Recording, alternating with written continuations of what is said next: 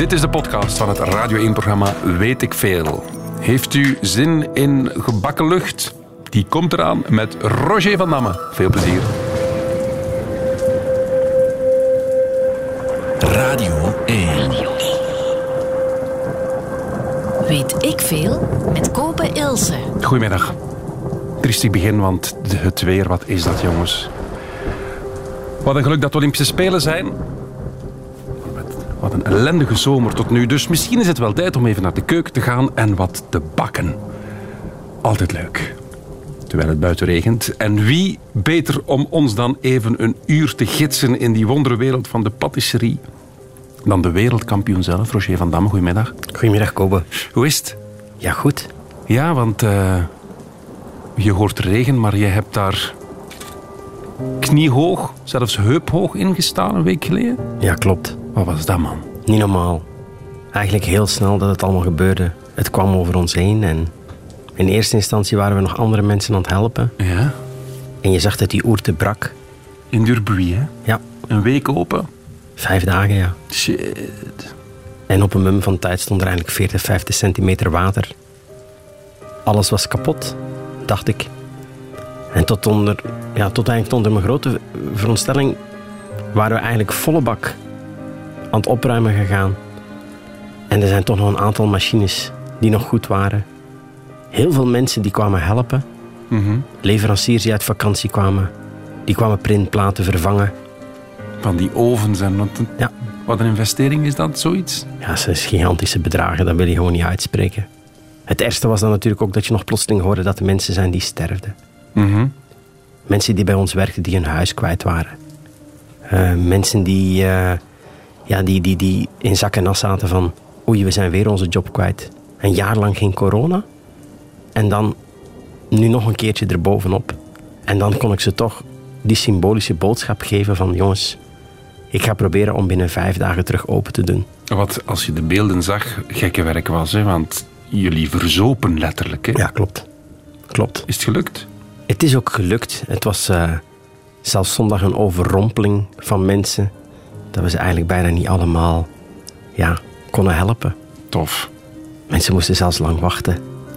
Heb je daar nu, los van de uiteraard de miserie, maar heb je daar ook een soort energie uitgeput dat, dat je geholpen bent, dat mensen solidariteit hebben getoond?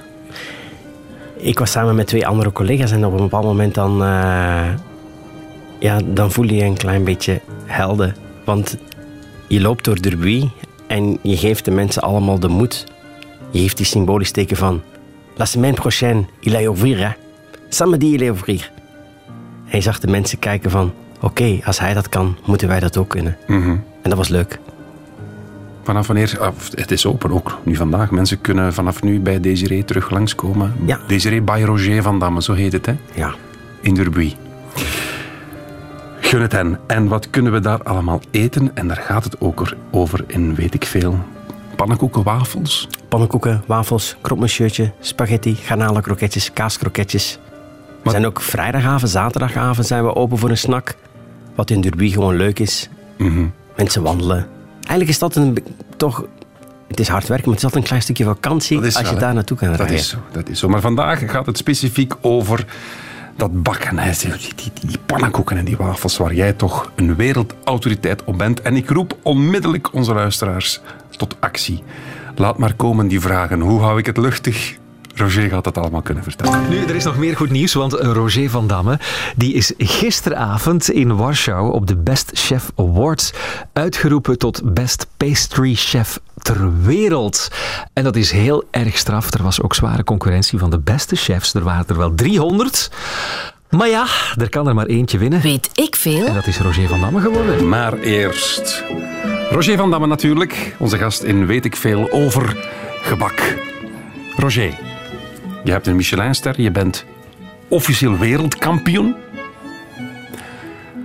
En toch kennen mensen jou vooral als die man van de lekkere gebakjes. Waarom is dat jouw specialiteit? Waarom heb je die, die ambacht echt uitgekozen van ja, daar ga ik me echt volledig in specialiseren? Ja, ik vind een pannenkoek, ik vind dat zoiets speciaals. En Ja. door de jaren heen heb je natuurlijk veel verstand gekregen van technologieën. De technologie staat niet stil, dus je, begint verstand te krijgen van bloem. Eh, je hebt veel verschillende soorten bloem. Maar een pannenkoek is toch maar een pannenkoek. Ja, maar, maar, maar toch ehm, het aroma, de vanille, de boter, de bloem, de eieren. Misschien enkel de suiker zou ik misschien kunnen zeggen dat ik daar niks speciaals voor heb. Maar eigenlijk voor al het andere heb je eigenlijk wel een, speciaal, ja, een speciale soort. Nochtans, dat zijn zo heel basisdingen. Klopt. Is, is, het, is het dat? Want patisserie, ik heb het ooit geprobeerd. Dat, dat, ja, dat is verschrikkelijk moeilijk. Dat moet op de milligram nauwkeurig zijn bij, bij momenten. Hè? Eigenlijk is patisserie heel makkelijk. Makkelijk. Als je, als je een goed recept hebt en je weegt het gewoon af, ja, dan, dan klopt het altijd. Het gaat er voornamelijk om van ah, de goede smaken combineren met elkaar. Brood is veel moeilijker. Brood is pure ambacht, is het aanvoelen. Eigenlijk is brood, dat is eigenlijk vanaf het moment dat er een klein beetje water bij de gist gaat, dan begint die gist te activeren. En de activatie van de gist, die zorgt er dan eigenlijk voor dat zo'n ja, eigenlijk zo'n levend wezentje begint te werken in dat brood. Dat brood begint te rijzen. En vanaf dat moment moet je eigenlijk alle controle hebben over je deeg. En omdat dat reizen is geen... Ja, dat kan je op voorhand niet voorspellen. Dus daarom is dat moeilijker dan een pannenkoek. Want je maakt beslag en dat kan je wel perfect onder controle houden. Dat is het verschil. Ja, klopt volledig. Ah, oké. Maak je zelf brood. Ja, ik eh, kom eh, denk ik begin oktober met een lijn uit van ongeveer een 12 broodmixen. Dus ik heb eigenlijk de laatste maanden in lockdown bijna... Ja, zijn dagen geweest dat ik eh, hele dagen brood aan het bakken ben geweest. Oké, dan gaan we even over brood babbelen, want dat vind ik wel interessant. Tegenwoordig wil iedereen zuurdees. Ja, klopt. Terecht of niet?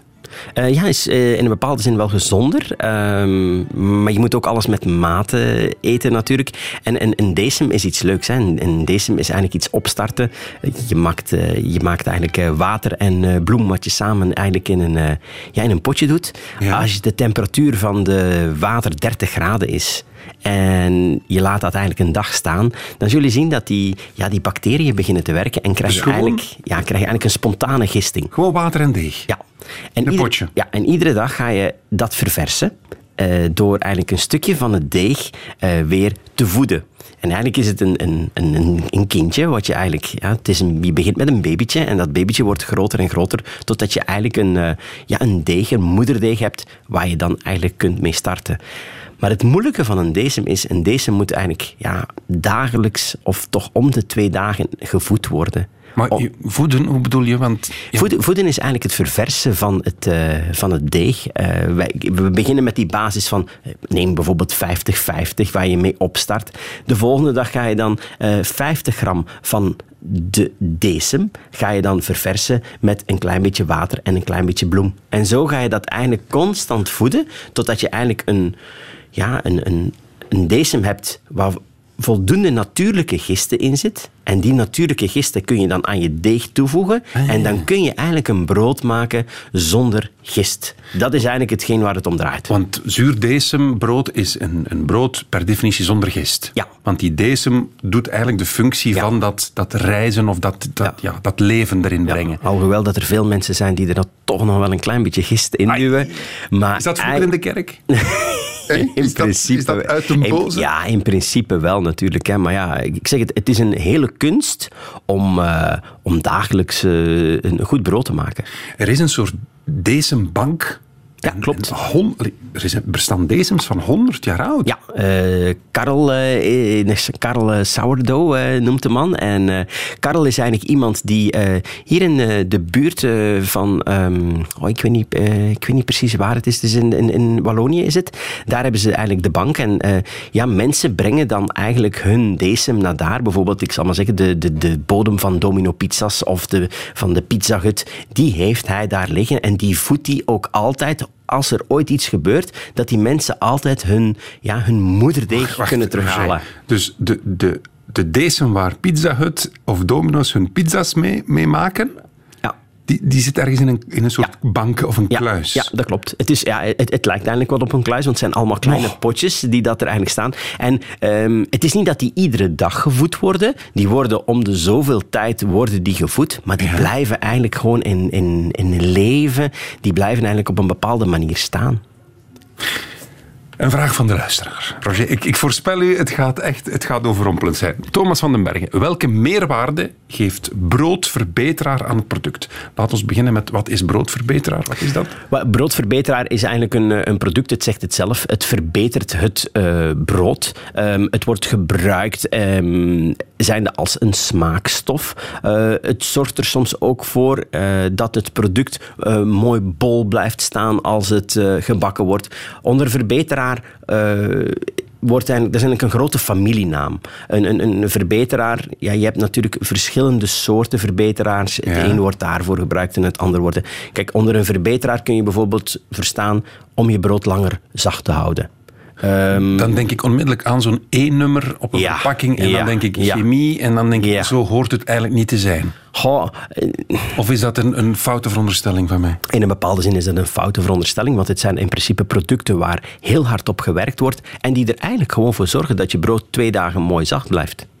Nou ja, dus eigenlijk is daar ook niks verkeerd mee. Ik persoonlijk heb daar geen problemen mee. Zo zijn er bijvoorbeeld ook zuurdesempoeders die eigenlijk volledig gedroogd zijn, die eigenlijk hun werking als zijnde eh, het, het gisten niet meer zullen hebben, maar die dan wel de smaak nog zullen hebben.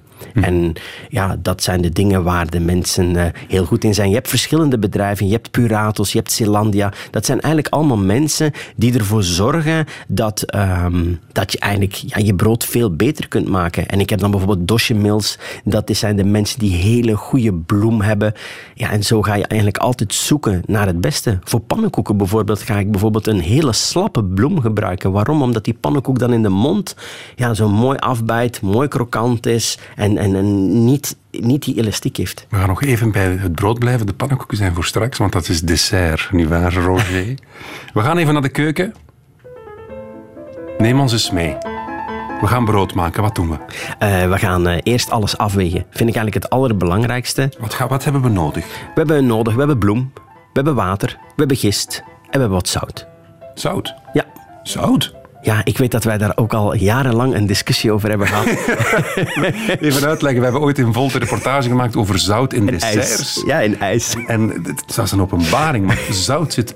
Ja, zwart. Bon, zout in brood. Dus we hebben water, bloem, Ja. gist Ja. en zout. That's ja, it. that's it. En wat doen we daarmee? Eh, we gaan dat, he- als ik het heel technisch moet gaan uitleggen voor de mensen, ehm, is er een magisch getal van 50. Oké. En een magisch getal van 50, dat is eigenlijk een, een, een getal, dat, dat, dat hebben we.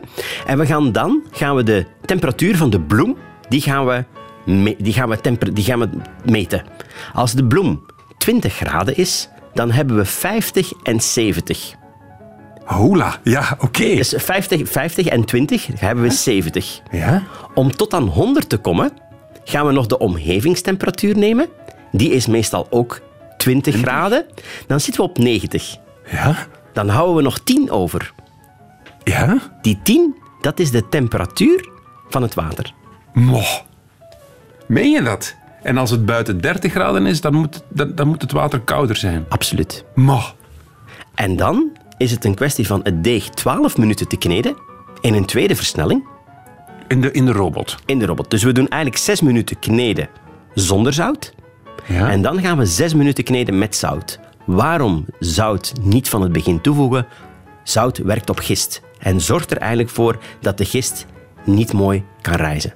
Dus we gaan het zout een beetje later toevoegen. Op het einde van de rit gaan we nog een heel klein beetje water toevoegen. Dat noemen ze eigenlijk het wassen van het deeg, zodat eigenlijk de bloem volledig mooi weg is. ja? En na 12 minuten gaan we het deeg 40 minuten laten rusten. Waarom 12? Is dat de perfecte timing? Is dan het deeg? Kan je, kan je iets overkneden ook? Absoluut, je kunt het overkneden, maar je, je- maar je moet... Maar we zouden dus moeten kijken naar het gluten. Dus het, het, het gluten is eigenlijk op het moment dat we het deeg in onze handen hebben en we trekken het eigenlijk open Ja. en we kunnen er eigenlijk een dun velletje krijgen en we kijken naar boven, dan is het goed. En meestal na 12 minuten is het deeg goed. Maar met het allerbelangrijkste is dat je deegtemperatuur nooit warmer wordt dan 24 graden. Want dan gaat de gist in overdrive en dan gaat de gist heel snel beginnen reizen. En iets wat heel snel begint te reizen, ja, kan geen smaak creëren en kan ook geen stabiliteit creëren. 40 minuten laten rusten, de oven in. Nee, nee, nee, nee, nee, nee, nee. nee. Oei. Na 40 minuten rusten gaan we het deeg inslaan en dan gaan we de gassen eruit duwen. En de gassen die gaan eruit en we gaan het terug opbollen om dan alsnog eens 40 minuten te laten rijzen Jongens toch. en dan af te bakken. Hoe lang? Eh, afbakken ligt eraan hoe groot dat je brood is, maar een gewoon goed huishoudbrood moet toch een 45 minuten in de oven. Wat wij zelf doen, is eigenlijk na 40 minuten rusten, slaan wij het in en leggen we het zelfs nog een nacht in de koelkast. Op 4 graden werkt de gist niet meer.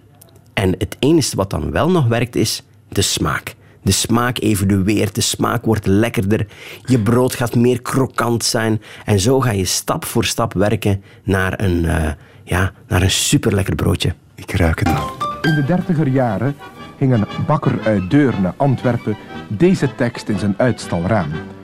Burgers, buren en passanten, gij moet worden mijn kalanten. Gij moet eten, klein en groot, van mijn lekker worstenbrood. Staat er me niet zo verstoemd? Mijn worstenbrood is zeer beroemd. Komt binnen, ik heb er nog een schoon provisie. En dank u voor de kalandizie. Weet ik veel? Er bestaat een legende in Antwerpen over het worstenbrood en verloren maandag. Een bakker die te diep in het glas gekeken had, was s'nachts bezig zijn deeg aan het klaarmaken toen zijn vrouw hem zijn ontbijt bracht. En dit bestond uit brood met een worst. Een eindje worst ging verloren, waarschijnlijk in de deeg, maar niemand vond het. Tot wanneer zanderdags de buurvrouw een brood kwam bestellen met nog een worst in. 1964. Heerlijk verhaal. Roger van Damme is mijn gast vandaag in Weet ik Veel. Want we verzamelen tips en tricks om in deze natte dagen ons bezig te houden. Bijvoorbeeld in de keuken met het maken van een brood. Want dat hebben we nu net al geleerd van Roger. Er komt trouwens een, eh, een vraag binnen van Gigi Lescowier, denk ik, of Lescowier. Is speldbrood moeilijker te maken en waarom? Eh spelbrood is niet moeilijker te Wat maken. is speldbrood? Wat- Ja, spel, spelt is eh, natuurlijk, eh, wordt gezien als een gezonder brood. Ehm spelbrood is ook wel iets waar je bijvoorbeeld een... een ja, in zuurdees vind ik dat ook wel leuk, dat je als je spelt gebruikt... Is dat, is dat een soort graan of wat is Ja, dat? het is, het is, Ah, ja. het is ook het zijn, het in principe, ehm, ik heb nu bijvoorbeeld een, een, een range gemaakt aan verschillende soorten. Ik heb het volkorenbrood, je hebt het witbrood, we hebben de chantwiskus, we hebben de, het speldbrood. En ja, speldbrood is, is gewoon, eh, zit ietsje minder gluten in. Het is wat meer glutenarm. Mhm. En, maar ja, ik zeg het, het, het, zijn allemaal stuk voor stuk lekkere, ja, lekkere broden eigenlijk. Dus speldbrood moeilijker om te maken, ja of nee? In een, in, in, in, in, een, in een bepaalde zin eh, misschien wel. Het, is, het, het plakt wat meer. Hé, dus het, Ja. het, het, het plakt wat meer. Wat ik vaak doe, is eigenlijk... eh, ik ga het een, een, van tevoren de bloem en het water al mengen met elkaar. Dat het al eventjes kan staan, zodat eigenlijk de bloem mooi kan, eh, ja, kan opnemen in het... eh, of de, het water mooi kan opnemen in de bloem. Het woord is gevallen. Roger van Dam. Je hebt het al twee keer gezegd vandaag. Het is de vijand. Tegenwoordig. Het is de reden dat mensen amper nog brood eten. Want we kunnen er niet goed tegen. De gluten. Wat is dat nu eigenlijk? Ja, En vooral, is dat nu echt zo slecht voor ons, Roger? Ehm, ja, gl- gl- gluten, eh, een, een overdaad aan gluten is... Ja, mensen zijn er gevoelig voor. Ik zelf ook. Dus ik heb zelf, als ik veel brood eet, dat ik een, een, een gevoel krijg van... Ja, ik heb te Een veel... opgeblazen gevoel. Ja. Maar brood is niet slecht. Laat ons dat gewoon echt eh Maar wat is dat nu toch, Roger, met, dat, met heel die glutendiscussie? Ineens is iedereen allergisch of intolerant aan gluten. Terwijl als je dan leest, de wetenschap, is 1% van de mensen is inderdaad intolerant. En Misschien- toch, Ik denk dat de artsen de dag van vandaag wat slimmer zijn als vroeger. En dat, eh, ja, dat de artsen gewoon veel meer weten. Eh, ze kunnen alles in je bloed vinden. Ja. En daar gaan bepaalde dingen, eh, komen er dingen uit. En dan wordt er gezegd van ja, je bent intolerant of je bent gevoelig. Ik denk dat veel mensen gevoelig zijn maar niet dat ze er volledig allergisch voor zijn. Want laten we beginnen bij het begin. Een gluut. Is dat het enkelvoudig? Is dat, is, ja? Of is Ja. het altijd meervoud? Ja, wij spreken altijd over gluten. Gluten, oké. Gluten. Wat is dat precies? Nou, het, het gluten is eigenlijk iets wat ontstaat eh, tijdens het kneden. Hè. Dus, dus op het moment dat je het water en de bloem bij elkaar gaat doen, dan, ja, dan begint het eigenlijk te kneden. En dan krijg je eigenlijk het, het, het, het netwerk, de gluten. De gluten die zich dan eigenlijk eh, ja, die, die zich gaan ontwikkelen in het, eh, in het deeg. Dat, dat, dat zorgt voor de elasticiteit ja, ja, eigenlijk. ja, ja, ja. Ja, ook, ook, ook voor hey, elasticiteit, stabiliteit. Want op het moment dat je een, een brood hebt dat geen goede gluten heeft, ja, dan zul je zien dat je een plat brood krijgt. Ja, want dat, dat wordt tegenwoordig veel gevraagd. Glutenvrij brood, maar dat Ja. zal altijd wat platter zijn. Ja, dat zal altijd wat... op het moment dat je spreekt over 100% glutenvrij brood, nou, dat is echt, eh, dat is echt moeilijk hoor. Want Ah, een, een, een, een brood maken zonder gluten is echt geen cadeau. Dat is, eh, dat is echt, eh, ja, het, het, het, het is er en, en we zijn er ook altijd mee bezig. Maar echt gluten, gluten, glutenvrij, dan zou je zelfs een, eh, een andere oven moeten hebben. Dan zou je zelfs een, eh, een, een andere, dan, dan, dan ga je eigenlijk zelfs, om het 100% doen, zou je richting de kosher zelfs moeten gaan. Ah, oké. Goed, we leren bij. En er zijn plaatsen waar dat gebeurt. Hubert Hulin vraagt zich af. Roger van waarom is een stokbrood in Frankrijk beter dan bij ons? Zuurdesem? Vraagteken. Eh, nee, eh, waarom is een, eh, een stokbrood in Frankrijk beter? Eén, omdat je op vakantie bent. je loopt, je, loopt Ja, in de kort, tijd, je ja. loopt in de korte broek en je hoort de Franse muziek.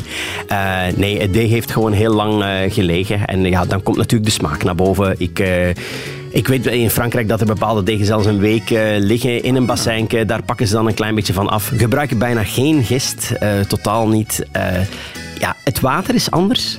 En laat ons een kat een kat noemen. De Fransen hebben gewoon supergoeie, lekkere bloem. Ah, oké. Maar wat ik interessant vind, het, het, het deeg ligt langer.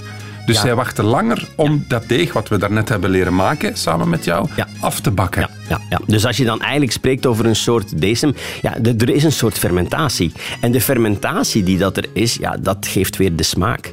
En daarom dat ik ook mijn deeg soms een, eh, ja, een, een nachtje laat liggen om, om een beter resultaat te hebben. Ja. Ze, ze blijven binnenstromen. Hè. Jonathan Dazen, wat is het beste? Verse gist of droge gist? Dat vind ik ook een hele mooie. ik heb recepten waar ik de twee gebruik. Ah, Ja, wat, ja, ja, wat ja. is het verschil? Ehm, ja, het ene is droog en het andere is eh, vers. Oh, is- Ehm, ah ja, nee, maar verse gist, dat, dat, dat is zo'n ja, dat is zo'n kleverige stof die, die wat nattig is. ja, ja, ja, ja, en droog is gewoon een soort poeder. Het zijn korreltjes, kleine korreltjes die je toevoegt. Ehm, het is wel zo dat eh, gist, eh, droge gist, is veel sterker als gewone gist. Dus je moet nooit... het is niet dat je de twee... op het moment dat er droge gist staat, eh 10 gram, en er staat verse gist, het is niet dezelfde hoeveelheid. Dus het is, eh, dat komt ook omdat er natuurlijk in de verse gist zit ook een beetje vocht. In de droge gist zit niks van vocht. Ah, ja. Ik vind persoonlijk, maar dat is puur persoonlijk, eh, dat Oké, wacht, een ontboezeming? ik vind puur persoonlijk dat de droge gist dat die soms ietsje krachtiger werkt. En daarom dat ik vaak 75% gewone en 25% droge gist bij elkaar doe. Ja, maar jij bent een speciale eigenlijk. Je, je- je gaat zo Je gaat zoeken. Ja. Dat is voornamelijk die technologie. Is dat wat jou dan een, een grote bakchef maakt, omdat je Nee, uren en dagen en weken hebt geëxperimenteerd en dat is dan het, het beste? Nee, helemaal niet, want ik loop zo vaak tegen de lamp en dan heb ik zoiets van, ja... Nee. Wat bedoel je? Dat Ja, gewoon, dan heb je iets geprobeerd en iets gemaakt en dan, dan is het niet wat het wilt zijn. En ik denk dat het ook puur psychologisch is. Hè. Ehm, als ik dat brood dan zie, dan, dan vind ik het misschien net ietsje beter. En je wilt ook misschien altijd wel ietsje specialer doen dan een ander. Ja, het zal dat zijn. Charlotte Carlier, klopt het dat je vroeger enkel zuurdesem had en gist nog niet bestond? Roger van Damme? Eh, dat zou kunnen. Ik heb eh, dat, eh, dat, dat, dat, dat denk ik wel. Want zuurdesem is een 100% natuurlijk, natuurlijk proces. Ja, ook, gist, gist ook natuurlijk. Ja, waar, waar, Ja. waar de gistbank ook is, er is ook een heel ehm, museum waar dat eigenlijk alles mooi omschreven wordt, hoe dat het eigenlijk vroeger gedaan werd. En ja, daar, dat was al, dat was al in, de, in de oertijd werd het brood al zo gemaakt. Mhm. Straks gaan we pannenkoeken bakken. Roger, hoeveel heb je er in je leven al gebakken? Oh, heel veel. Maar eigenlijk iedere pannenkoek met plezier. Pannenkoeken bakken, pannenkoeken bakken, pannenkoeken bakken, pannenkoeken bakken, pannenkoek. Pannenkoek, That's another cook. pannenkoek. It's another biscuit. That's better. It's another biscuit. Louis van Gaal zei het ook al. That's another cook. That's another biscuit. We gaan even naar Tokio. Bert, aan jou. We zitten in het derde kwart, nog drie minuten te spelen. En de stand intussen 9-4 voor de Belgian Lions tegen Zuid-Afrika. Die wel eerst scoorde in dat derde kwart. Nog een keer via Kassim, zijn tweede doelpunt van de avond. Daarna een misser van Dokier. Hendricks met een strafkorder voor zijn derde van de wedstrijd, al zevende van het toernooi. En Charlier met de 9-4. Nu ook opnieuw een strafcorner voor België achteruitgelegd. Opnieuw Hendricks en deze poging wordt afgeblokt. Zijn eerste die hij mist vandaag. De vorige drie gingen allemaal binnen. Hij is op weg om eh, alleen topschutter te worden op dit toernooi als hij zo verder gaat.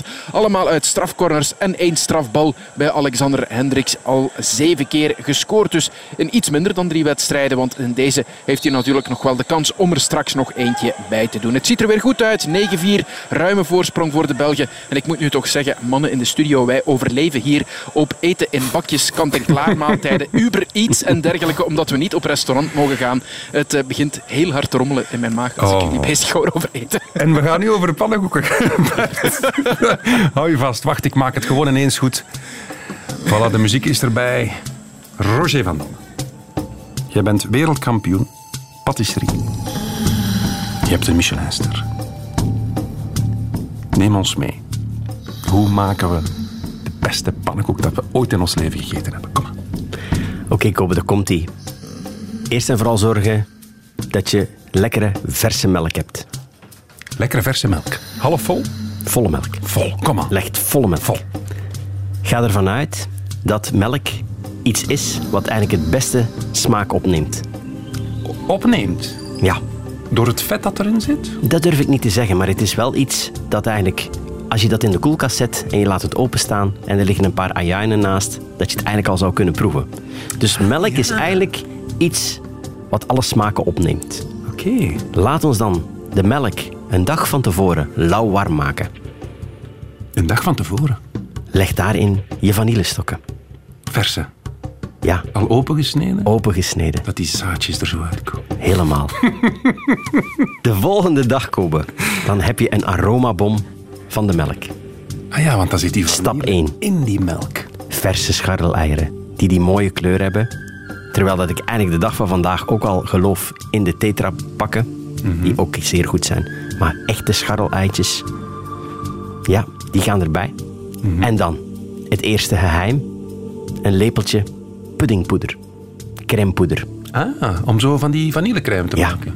Dat mee in het beslag. mee in het beslag. Dat is nieuw. Dat krijgt gelijk de kleur. Dat krijgt gelijk een mooi aroma. Dan hebben we al vanille en we hebben puddingpoeder. En dan, het grote geheim, is eigenlijk het Roger van Damme aroma. Maar dat ga ik je nooit vertellen wat het is. Oh, nu zat iedereen echt met zijn oor tegen de radio en iedereen dacht nu van... Yes. Een toets van karamel zit erin. Er zitten meerdere smaken in die ik eraan toevoeg. Maar dan de bloem. Een slappe bloem, dat ervoor zorgt dat je pannenkoek niet taai wordt. Zorg dan ook voor dat je echte boter toevoegt. En dan, ja, dan zijn we er bijna. Dan zit alles er eigenlijk in wat er moet in zitten. Het bakken, klein beetje boter, klein beetje olie. Waarom niet alleen boter? Boter kan heel erg verbranden. Olie en motor. Olie en boter samen, de twee. Of gewoon geklaarde boter. Oké. En dan bakken in de pan. Maar de pan moet heel warm zijn. De pan moet eigenlijk... Waarom mislukt altijd de eerste pannenkoek? Dank u. Dat is gewoon de reden, omdat er meestal een laag stof in ligt, dat het lang geleden is dat er pannenkoeken nee, gebakken zijn. Of dat die, eh, ja, dat die gewoon niet goed warm geweest is. Ik doe hem ook altijd goed ontvetten, de pan, voordat ik ga pannenkoeken bakken. Goed Wacht, dus ontvetten. eerst ontvetten om dan Ja. vetstof erin Ja, te doen. ja, ja, ja. Dat, dat die, als, die, als die bijvoorbeeld twee of drie weken in de kast heeft gestaan, dat trekt stof aan, dat, er ligt een laagje in, dat, is, dat moet er gewoon uit. En ontvetten, hoe doe je dat? Gewoon met de, met, toch met de doek? Gewoon. Ja, gewoon met je doek of een klein, een, een klein beetje detergent. Gewoon een klein beetje proper maken. Echt niet te veel water. Detergent, dat die pan super proper is. Dan gaat hij op het vuur. Ik ben iemand die enkel en alleen ik, ja, ik kan enkel alleen een pannenkoek bakken op een goed gasvuur. Niet op een inductie. Nochtans, de- er wordt gezegd dat het eigenlijk hetzelfde is. Eh, ja, maar voor mij is de kracht van dat gasvuur... Ja, dat vind ik... ik ja, dat heb ik nodig. Zo, zo in Durbuy bakken we de pannenkoeken in de pan. Niet op een plaat, hè. Ze worden gewoon Echt puur in een koekenpan. in een koekenpan gebakken. En dan kun je dan natuurlijk daar een klein beetje van die boter in doen. Een klein beetje van die olie in doen. Dan je hand boven die pan houden. En op het moment dat je hem, dat je hem echt voelt... Dan die lepel met dat beslag erin. Gelijk met die pan ronddraaien. Geduld hebben tot de bovenkant mooi eigenlijk uitgebakken is. En dan omdraaien. De bovenkant uitgebakken. Ja, je moet een klein beetje zien dat daar, dat daar geen vloeibaar mengsel meer bovenop zit. Ah ja, oké. dus En- dat is vrij lang wachten dan. Valt mee, dus je moet, ook een, je, je moet die pan ook niet heel op een hoog vuur laten staan. Zet hem een klein beetje terug, die pan is toch warm. En dan zien dat die mooi bruin is. Op het moment dat je de goede verhouding boter-olie in de pan hebt gedaan, ga je ook zien dat die pannenkoek aan, aan, aan mooi bruin karamelliseert, dat dat mooi bruin wordt.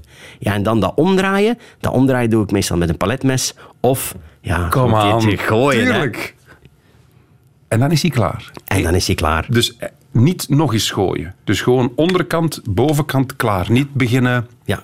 Niet, niet nog eens en nog eens en nog eens. Nee. En misschien de gouden tip voor jouzelf, Kobe. Wacht, wacht, wacht. Had een tip. Ja, de gouden tip voor jou zelf is, als jij pannenkoeken bakt, of Sarah pannenkoeken bakt voor jou, Mijn verloofde. dat ze altijd gebakken worden in olie en nooit in boter. Want als jij de volgende dag gaat sporten en je wilt de pannenkoeken koud opeten en je hebt ze 100% in boter gebakken, zullen ze aan elkaar blijven plakken. Olie niet, Jongens toch. alsjeblieft. We leren ongelooflijk veel bij vandaag. En dat voor een pannenkoek. Oké, we hebben die pannenkoek voor ons staan. Op dat bord. Bert Sterks luistert mee in Japan met zijn bakjesvoeding. Dan heb je twee stromingen. Er zijn mensen die houden van de zoete pannenkoek. Suiker, kinneke suiker, hè, die, die bruine zo. Confituur. Confituur. Ja, lekker aardbeiconfituur. Nutella wordt ook veel gedaan. Absoluut. En je hebt ook de school van de zoute pannenkoek. Kaas, hesp. Klopt dat, vind je? Of ben jij eerder van de zoete school? Ik ben van de zoete school. Ik heb het er wel eens moeilijk mee, want voor mij is dat eigenlijk een, een, een omelet hè, met kaas en ham. Ah ja. Terwijl dat je in, eh, ja, in, in Bretagne heb je die Bretagne, Bretoense, de Bretoense pannenkoeken. In Nederland heb je natuurlijk heel veel zoute pannenkoeken. Maar toch op de een of andere manier, als ik me dan toch een klein beetje Belg mag noemen, dan eh, ja, zijn wij daar niet echt de grote voorstanders van. Wij willen een pannenkoek Mikado. Voilà. Oh, met zo'n bolletje ijs. En een beetje chocoladesaus. Potverdomme zeg. Vrijwel alle Lierse bakkers verkopen vlaaikens. Ieder houdt zijn recept geheim. De kwaliteit loopt dan ook erg uit elkaar.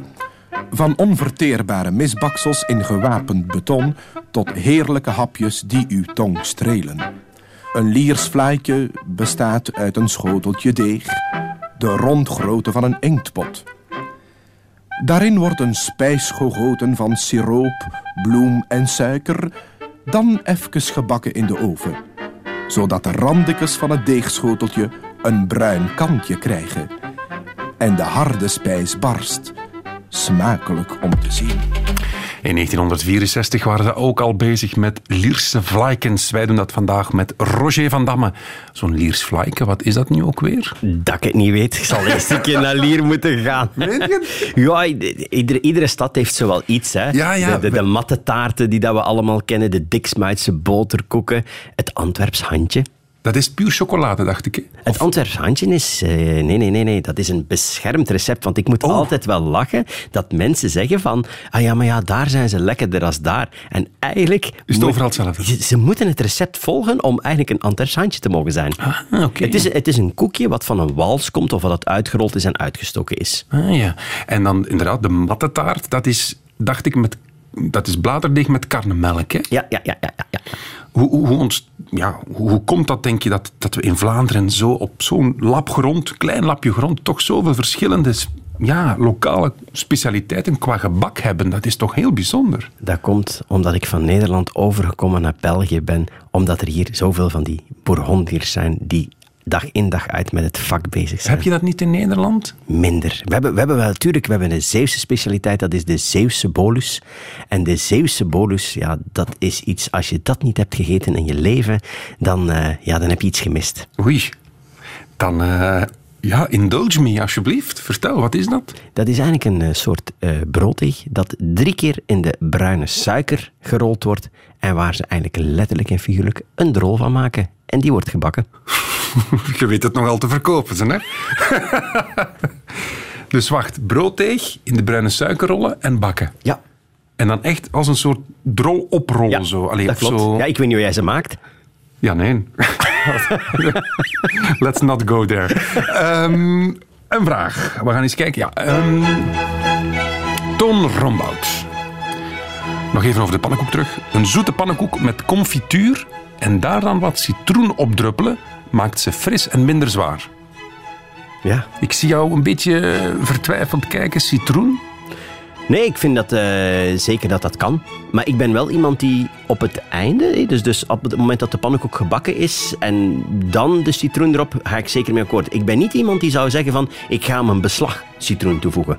Nou ja, waarom zou je dat niet doen? Ehm, omdat citroen vaak een, ehm, een verandering van smaak kan geven. De zesde, daarentegen, dat is wel iets wat kan gebruikt worden. Maar dan meer in een madeleintje. Wacht, in een de zesde, dat is zo de, de schil een De beetje. schil. Eigenlijk het, het dunne, de bovenkant, dan komen de etherische olie komen vrij op het moment dat je dat er afhaalt.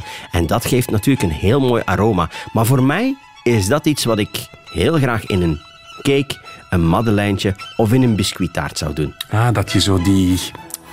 Dat, dat, dat frisse van die citroen wel, wel krijgt in, in je koekje, maar dat het niet... Ja. Dat, dat penetrante van die, wat dat citroensap is. Houd de pannenkoeken zoals ze zijn. Wil je er echt iets lekkers van maken, kun je er eventueel een klein beetje gist in doen. Want er zijn natuurlijk ook nog mensen die pannenkoeken met gist maken. Wat ook zeer lekker is.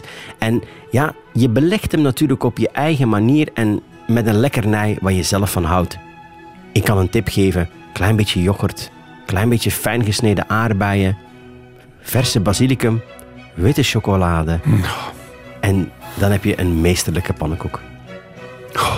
Roger, we hebben nog vier minuten. We staan voor een verscheurende keuze. Praten we over wafels? of praten we nog vier minuten over madeleinekes? Jij mag kiezen. Goh, kopen. Ja. Je mag zelf kiezen. Ik zeg het, over ons vak kun je uren praten. Het is zo boeiend en het is zo mooi. En ondertussen zijn er weer twee minuten voorbij. De madeleine dan. Misschien wel het, het lekkerste koekje dat er is. Die zachtheid. Graag liefst wel met een laagje chocolade.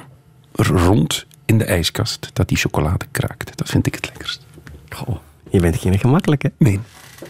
Maar wat is een madeleine precies? En madeleine is eigenlijk een eh, soort cakebeslag. That's en, eh, ja, en een cakebeslag waar eigenlijk de boter van volledig gesmolten wordt. En de boter, hoe ik hem het lekkerste vind, is dat ik hem een klein beetje laat karamelliseren. En hoe kun je nu boter laten karamelliseren? Wil eigenlijk zeggen beurre noisette. Beurre noisette, maar het is niet dat er noten in zitten. Hè, want Nee. eerst mensen zullen, wat is beurre noisette? Ja. Heeft niks met noten te maken. Maar op het moment dat je die boter gaat eigenlijk verbranden, want je mag hem niet verbranden natuurlijk. Ik denk, als ik het goed heb, dat je niet boven de 145 graden mag, of dat hij dan eigenlijk juist op de perfecte, Ja, ja, ja. de perfecte Maar het mag wel kleur wat heeft. bruinig worden. Het mag wel wat bruinig zijn. En dan kun je dat er zo bij gieten. En dan doe ik daar citroensap bij. Daar doe ik dat dan wel bij. Daar wel? Ja, ja, om dan die mooie frisheid in te krijgen. En dan is natuurlijk het, het klein beetje bakpoeder wat we erin doen, want we doen een klein beetje bakpoeder in, dan zorgt er dan voor dat dat mooie bolletje daarop komt staan. Dat die mooi springt aan de bovenkant. Ah, dat bolletje op een madeleine is eigenlijk puur het deeg dat, Dat springt. dat springt. Dat werkt.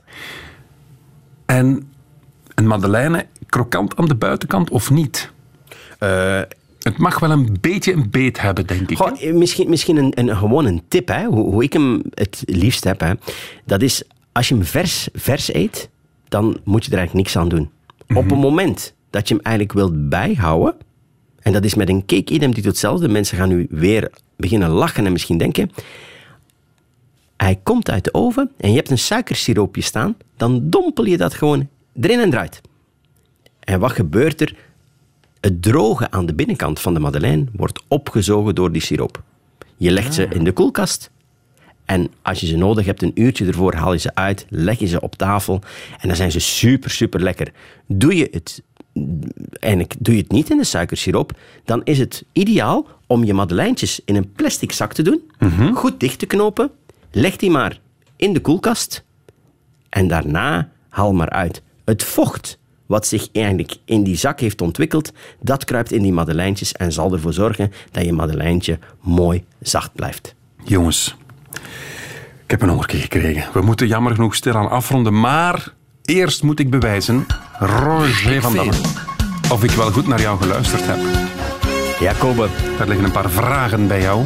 ik weet het, maar ik ga er toch één andere stellen. Ai, niet te moeilijk. Als we, als we dan nog heel eventjes terugkomen over het gluten. Hè, wat, wat, wat, Ja. wat, wat is het gluten?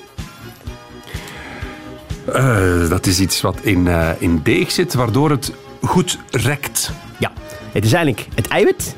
Eiwit. Het eiwit wat er eigenlijk op een natuurlijke manier is ingekomen. En dat is een, iets waar dat de mensen het moeilijk mee hebben. Dus eigenlijk was mijn antwoord niet 100% juist, Roger.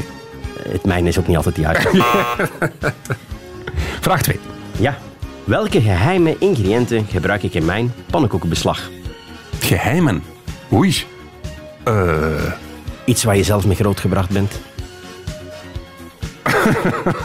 ik weet het niet. Pudding? Ah ja, vanille, ehm, gewoon een lepeltje puddingpoeder. Voilà, Kobe. Doe me. Ja. Welke ingrediënten heb je nodig om een brood te maken? Dat is water, gist, bloem en zout. Kobe, we spraken over een magisch getal. 100. Ah, het vorige was juist, hè? Ja. We spraken over een magisch getal Ja. om de mensen thuis lekker brood te doen maken. Ja. Wat moest je doen? 50 en dan Ja. de temperatuur van, van de buitentemperatuur is 20. Dan optellen en dan... De temperatuur van de bloem? We hebben nog 10 seconden, Roger. De mensen moeten het maar opnieuw gaan beluisteren als ze het goede antwoord willen weten. Mag ik je danken voor dit smakelijk uurtje radio. Veel succes in Durbuy. Veel plezier en tot de volgende. Radio 1. Weet ik veel? Dit is het einde van deze podcast van Weet ik Veel. Weet ik Veel is trouwens een programma van Radio 1. Op radio1.be vindt u nog veel meer.